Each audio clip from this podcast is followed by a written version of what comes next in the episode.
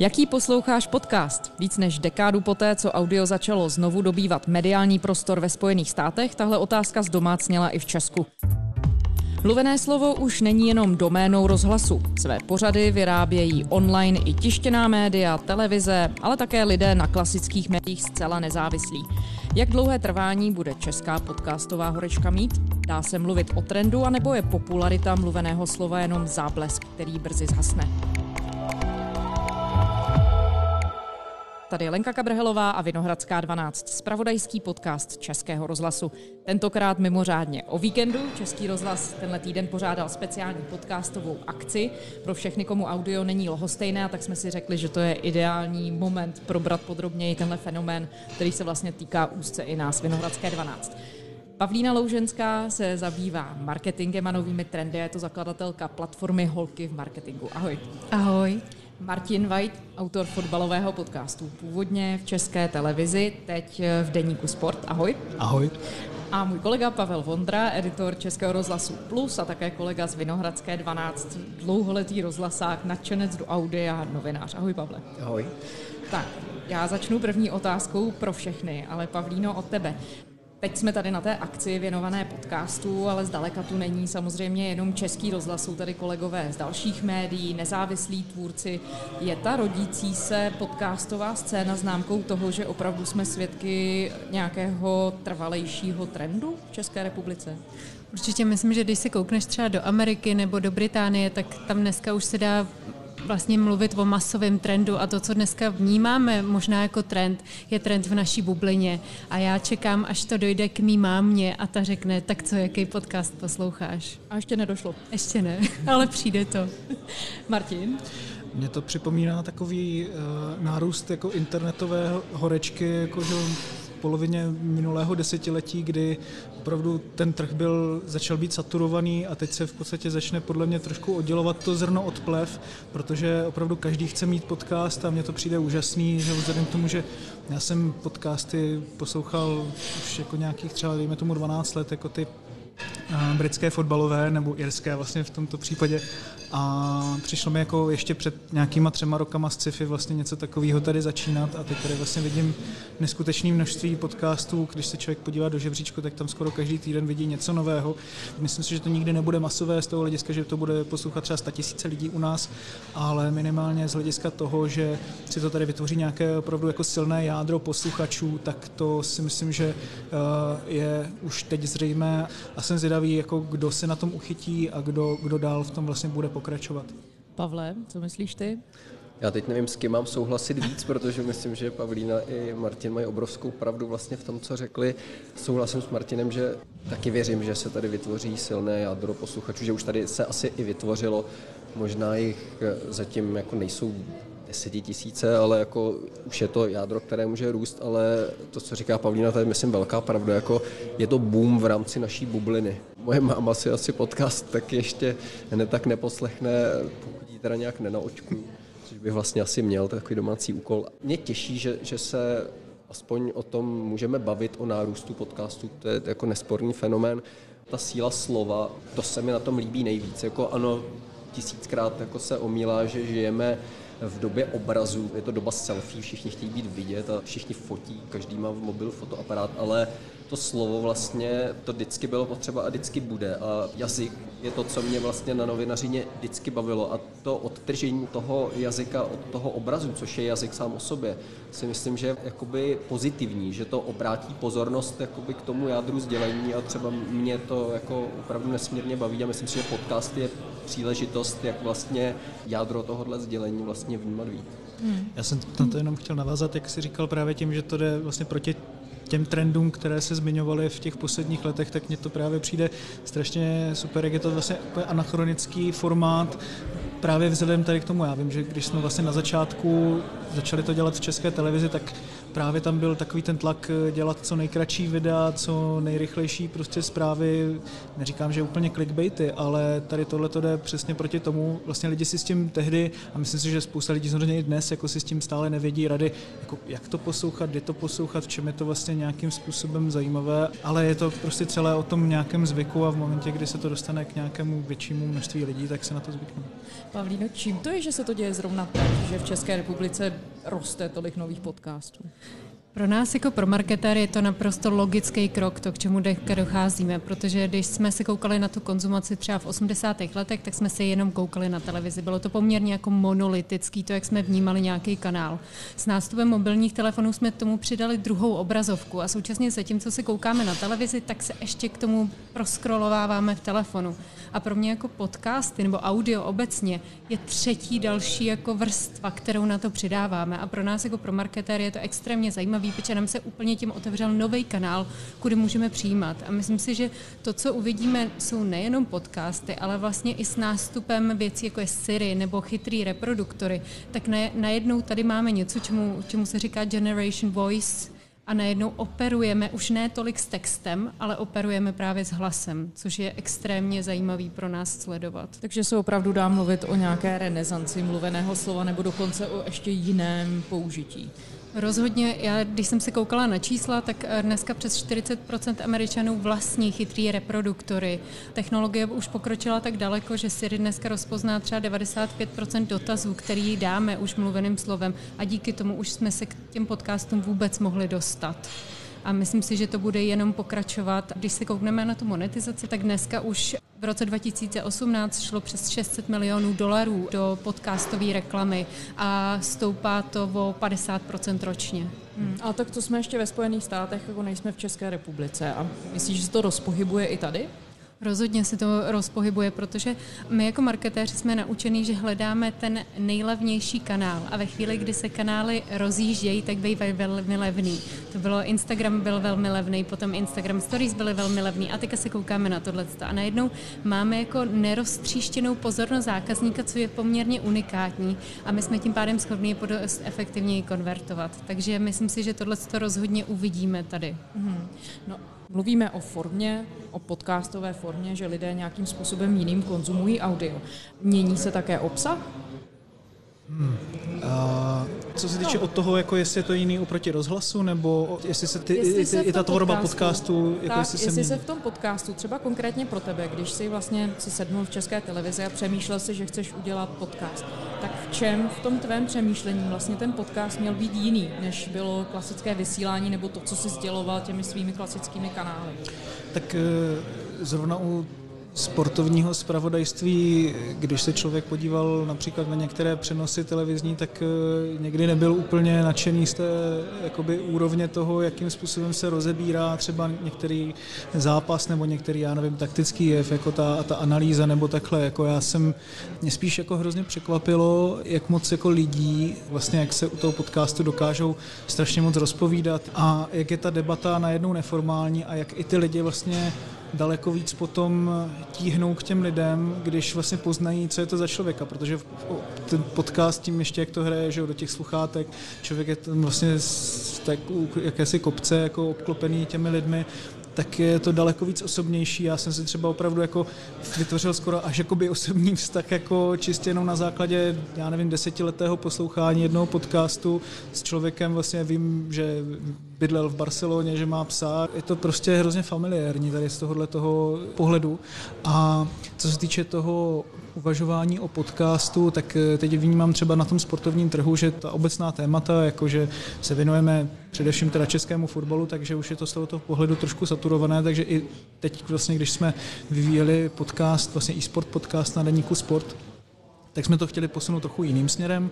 Místo čisté té názorovosti vlastně chci přejít u toho deníku sport, protože máme spoustu strašně kvalitních redaktorů, kteří přináší nové informace, ten print je nějakým způsobem omezený na rozsah slov a tak dále, tak eh, právě bych chtěl, aby každé pondělí ráno po tom dojetí jako nějakého kola, tak vlastně jsme zároveň přinášeli vlastně názory, ale i informace nové. To je nějaký jako základní koncept, od kterého se chceme odpíchnout dál, ale pak je tady samozřejmě jako spousta dalších možností, kam to posouvat. Myslím si, že už se to začíná fragmentovat a ta fragmentace mě bude hrozně zajímat právě z toho marketingového hlediska, protože třeba poslouchám podcast eh, o nejlepších zápasech a je tam prostě to, jakým způsobem ovlivnil zápas mezi Hapoelem a Maccabi Tel Aviv, eh, sionismus světový prostě v roce 1928 a, a je to jako neuvěřitelně zajímavé jak z politického hlediska, ze sociálního hlediska a samozřejmě taky jako z tohoto pohledu, jako jak eh, to bude ovlivňovat marketéry, kteří se budou zaměřovat na ty mikrotrhy a jestli u nás je dostatečně velký trh na to, aby se prostě v těchto jako pár stovkách nebo pár tisících zatím Abyste se uživili. Uh, uživit tady tuhle tu sféru. Já se ještě o té monetizaci posunu zpátky k tomu obsahu. Pavle, chtěla jsem se ptát tebe na to, jestli, když se na to podíváš i prismatem tebe dlouholetého rozhlasáka, který má vlastně v vozovkách najetý ten veškerý audio obsah, Může za tu plnou podcastovou stát i to, že lidé prostě chtějí slyšet něco jiného, že chtějí třeba slyšet hlubší informace, že to chtějí slyšet jiným tónem a že to právě chtějí v té intimnější podobě. Jinými slovy, je to opravdu něco, co doplňuje to klasické audio, které slyšíme z rozhlasu, anebo je to podobná věc? Ne, myslím si, že jo, že takhle, jak to říkáš, tak mi to dává smysl. Podle mě ta intimita podcastu opravdu patří. Člověk to poslouchá asi ne nutně vždycky přes sluchátka, ale v zásadě si myslím, že asi hodně lidí, jo, cestou do práce, možná v autě, v letadle, to vlastně tomu docela přeje taky to, že jeden z těch aspektů je, že vlastně v dnešní době podle mě hodně jako přemýšlíme o tom, jak efektivně využívat čas a jako multitaskovat, takže já třeba vlastně nejvíc toho naposlouchám, když jdu běhat. Prostě mě to baví mnohem víc vlastně hudbu. Jsem zjistil, že nedokážu poslouchat, protože tam má prostě svoje určitý tempo, ale ten lidský hlas podle mě jakoby k tomu pohybu, nebo možná protože běhám pomalu, mi, mi, k tomu jakoby krásně jde. A vlastně mám i pocit, že asi jak se okysličuje to tělo, tak jakože jsem vnímavější, že se na to jako líp soustředím. A spoustu těch věcí si vlastně líp pamatuju a podle mě možná i, i tyhle ty věci se asi časem začnou zkoumat. S chodou okolností se vlastně bavíme během eh, podcastového bootcampu, jehož účastníky je i vlastně dvojice, která vytváří zajímavý podcast Brain VR a to jsou kluci, kteří představují ten svůj podcast jako, že se zaměřují na to, jak eh, jakoby efektivněji prožívat naší realitu, že jsou to vlastně různé typy, jakoby, jako, jak se říká dneska moderně, lifehacky a, a biohacky a prostě jak jakoby nastartovat svoje tělo a hlavně jakoby využívat kapacitu svého mozku. Všichni víme, že ho využíváme asi z 10%, takže tam jsou velké rezervy. A podle mě vlastně eh, to i souvisí právě s tou eh, silou toho podcastu, aspoň pro mě to tak je. A prostě jsem vlastně rád, že to skutečně potvrdilo to, že to slovo dokáže existovat bez obrazu, když už se jednu dobu zdálo, že prostě co jakoby není obrazově podchyceno, tak jako by to neexistovalo. Ale jinak, co se týče unikátnosti té formy, těžko říct. Já vlastně se přiznám, že úplně na začátku jsem jakoby podcasty poslouchal spíš vlastně jako hotové rozhlasové pořady, které jsem si jenom stahoval, protože jsem to prostě nemohl poslouchat tu synchronní dobu, třeba hodně často vlastně produkci BBC, potom třeba jako z ruské produkce Echo Moskvy a podcasty jako takové, které vznikly prostě čistě mimo mediální prostředí, tak těch je hrstka, který poslouchám, ale eh, existují a jsem za ně rád a myslím si, že tohle médium je vlastně hodně demokratizační. Myslím si, že vznikne bohužel asi spousta věcí, která by možná nikdy vzniknout neměla, ale to je prostě to, to je úskalí. A máš pocit, když se podíváš na zahraniční podcasty, které posloucháš a konec konců i na ty české, když tady pořád mluvíme v nějaké fázi 0 až 1 asi, daří se posunovat ku předu to, jakým způsobem o těch tématech mluvíme. Já teď nechci říct jenom žurnalistiku, protože spousta z toho je třeba i zábava nebo nějaký jiný styl, je to třeba publicistika, ale jsme svědky jako nějaké větší kvality?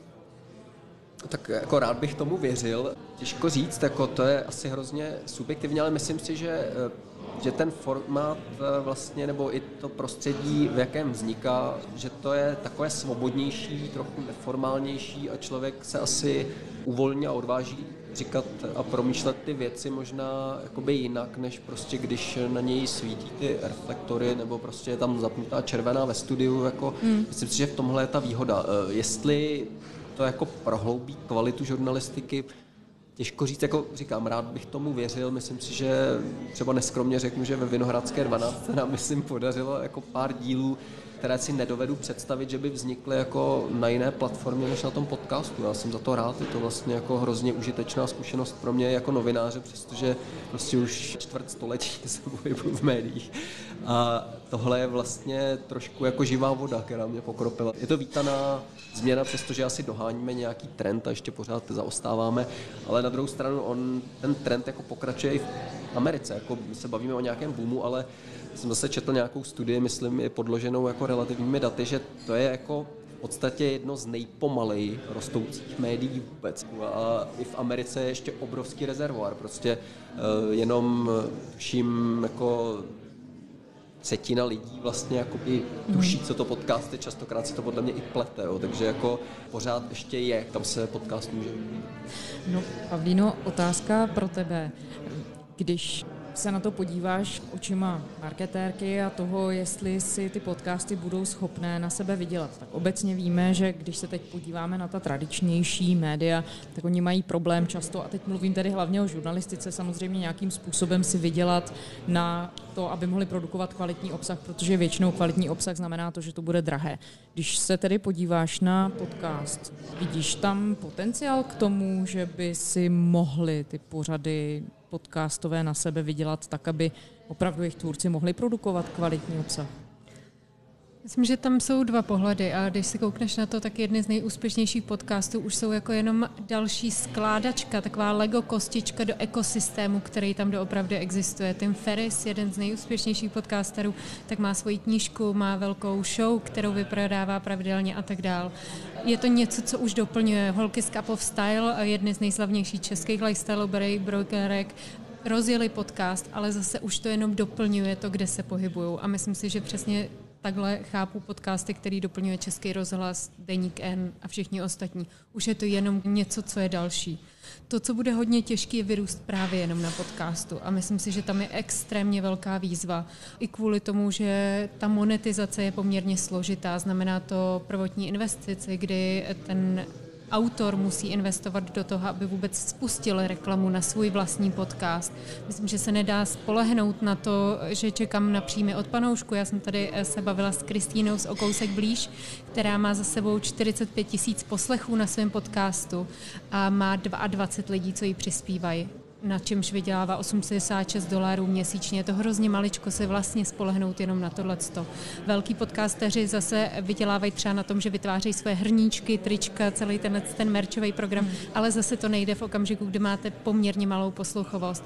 Další variantou světa to je to, co zkouší kluci z Brain VR, který už tady zmiňovali, tak eh, jsou eventy offlineový, na který jdou kupovat lístky a tak dál, ale zase v okamžiku, kdy je to pořád hrozně malý publikum, tak na tom nejde vydělat tolik. Takže pro mě ten apel na ty tvůrce podcastu je zkusit se zapojit do nějakého většího ekosystému a současně investovat do propagace toho vlastního podcastu a nespolehat na to, že se stane samo. Jinými slovy, podcasteři, spojte síly nějak. a víme, kdo je dnešní podcastové publikum a jaké tam jsou perspektivy. Máme nějaká přesná data v tuhle chvíli? Jo, já jsem nenašla žádný český data, mám trošičku jiný data než Pavel. Slyšela jsem, že v Americe 70% lidí chápe pojem podcast, co to je.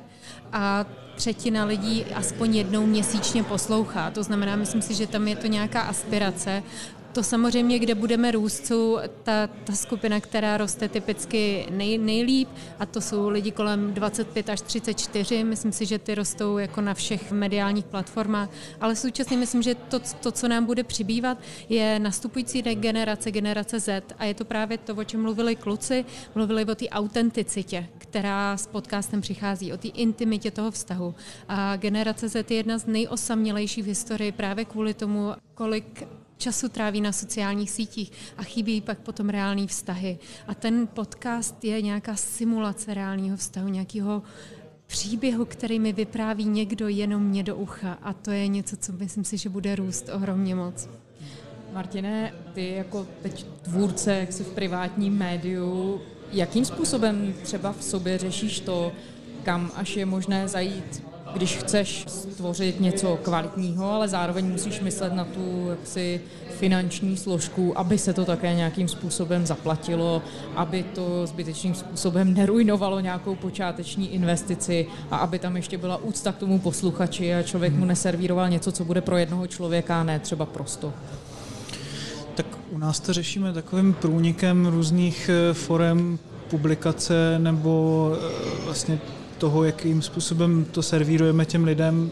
Zatím jako s tím vůbec nemám žádný problém a nějakým způsobem to jako nevstupuje to, jestli jsem v komerčním nebo, nebo ve veřejnoprávním médiu vlastně do způsobu té mé práce, což je jako samozřejmě super a musím jako za tohleto poděkovat jako zaměstnavateli a svým kolegům, že jsou v tomhle tom jako neuvěřitelně otevření, protože si dovedu představit jako jiná prostředí, kde jako už jsou zavedené nějaké vzorce, ale tady opravdu jako to, že tady v tom komerčním spektru jako je i prostor na určitý jako pokus o mil, tak si myslím, že je strašně, strašně jako zajímavé. Ještě dvě věci, jako co mě napadly, když eh, jste tady mluvili.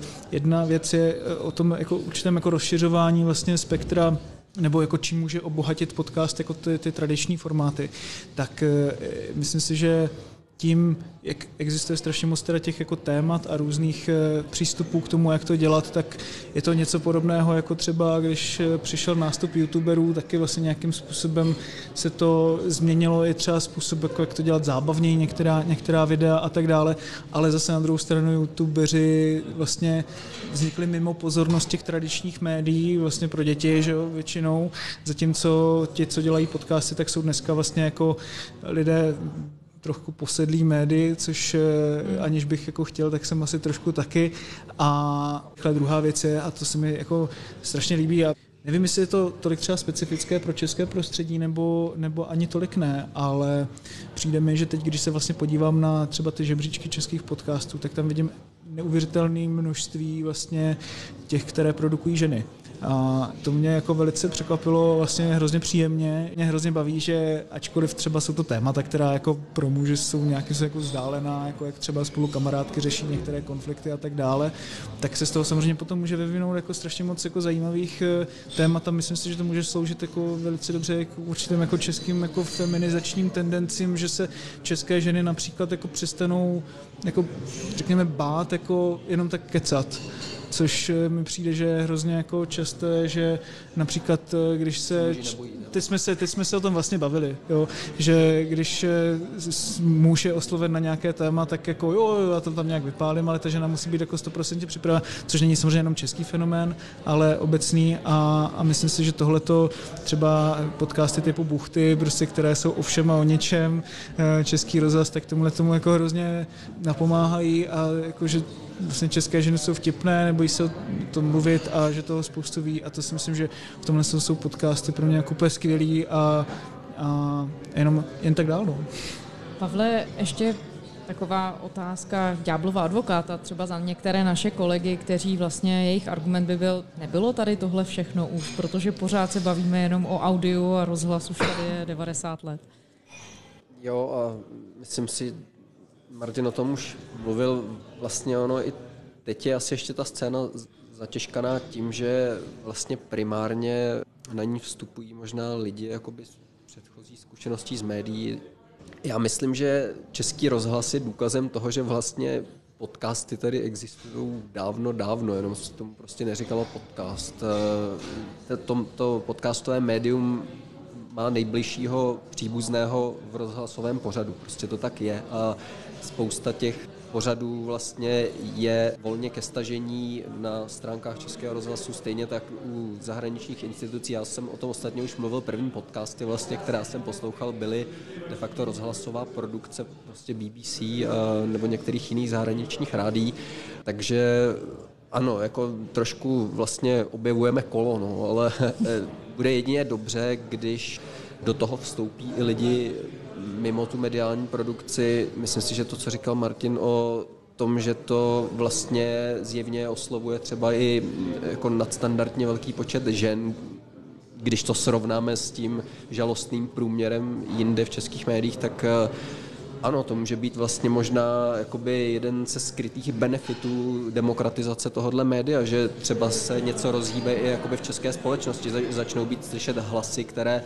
by si jinak jakoby ty gatekeepři vlastně do médií nezvali, nebo třeba ty ženy by se sami uh, zdráhaly jako do médií přijít, ale teď to mají vlastně ve svých rukou. Oni jsou ty uh, gatekeeperky, nebo možná, že ta vrata vlastně už byla vykopnuta. Teď už prostě eh, často se říká, že média už neplní roli gatekeeperů. Prostě dneska je každý médium, kdo si zřídí účet na sociálních sítích. Každý může být youtuber, skoro každý, pokud prostě bude mít nějakou periodicitu.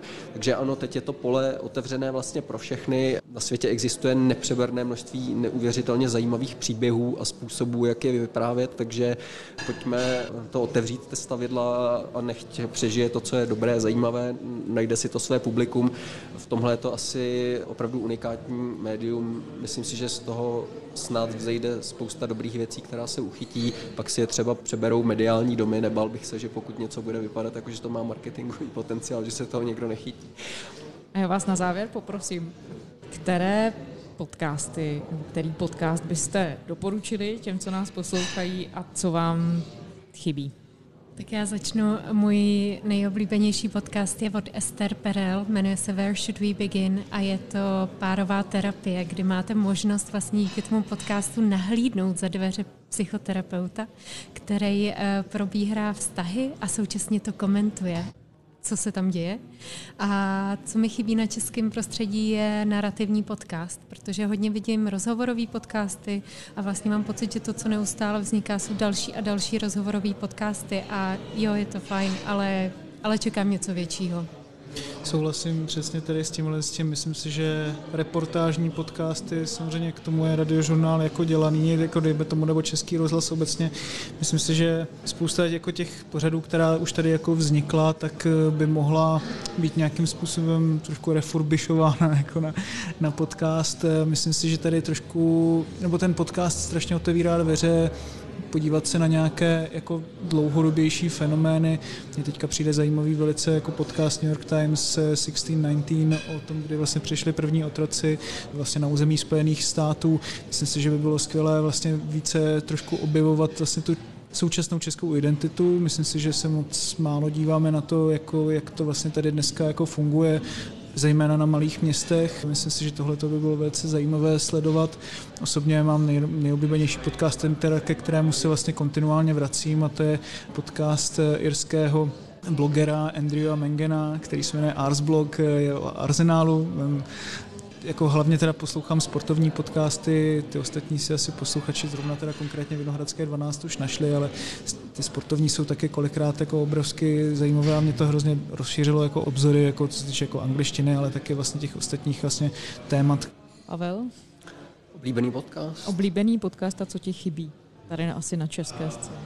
Já se přiznám, že vlastně tu českou scénu teda úplně jakoby zmapovanou nemám, tak eh, snad budu mít eh, po dnešku jasněji z těch světových, tak v poslední době mě hodně zaujal Caliphate, vlastně série podcastů reportérky New York Times Rukminy Kalimaky o islámském státě. Hrozně dobře se to poslouchalo, já jsem to vlastně poslechl, dá se říct, na jeden zátah. Skvělá práce a co se mi na tom líbí, je, že prostě podle mě se na tom projevil jakoby z mého pohledu velmi sympatický přístup ženský, snad teda nezobecňuju, ale přišlo mi, že to tak je, zatímco prostě blízkovýchodní konflikt a nástup islámského státu prostě byla svého času doména testosteronové žurnalistiky, kterou opravdu jako nesnáším, kdy ze sebe váleční reportéři dělají hrdiny a jakoby obracejí tu kameru sami na sebe. Podívejte se, jaký jsem hrdina, že jsem tady v Iráku.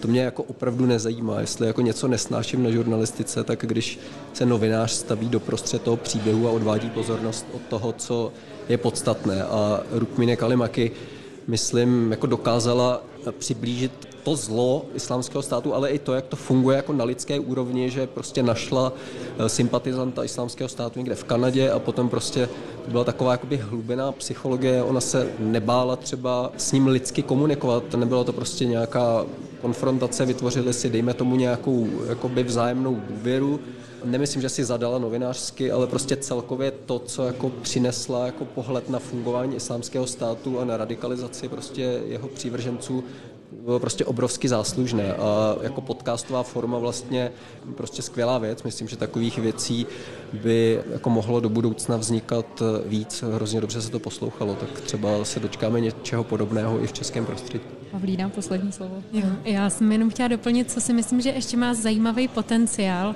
a to jsou interaktivní podcasty. A právě díky těm, těm hlasovým zařízením, o kterých jsem mluvila, tak můžeme najednou mít podcasty, které se mohou vyvíjet. A stejně jako Black Mirror na Netflixu se rozhoduju, kam půjdu a koho si vyberu, tak stejně tak by mohly fungovat podcasty. Tak to je taková moje výzva, kdo bude úplně první v češtině v tomhle. No tak výzva je zahájena. Pavlína Louženská, expertka na marketing a nové trendy, zakladatelka platformy Holky v marketingu. Díky. Martin White, autor fotbalového podcastu, teď Deníku Sport. Díky. Díky moc za pozvání. A Pavel Vondra, editor Českého rozhlasu Plus a kolega z Vinohradské 12. Pavle, díky. Taky děkuji. Ze speciálního vydání Vinohradské 12 je to vše. Těšíme se zase v pondělí.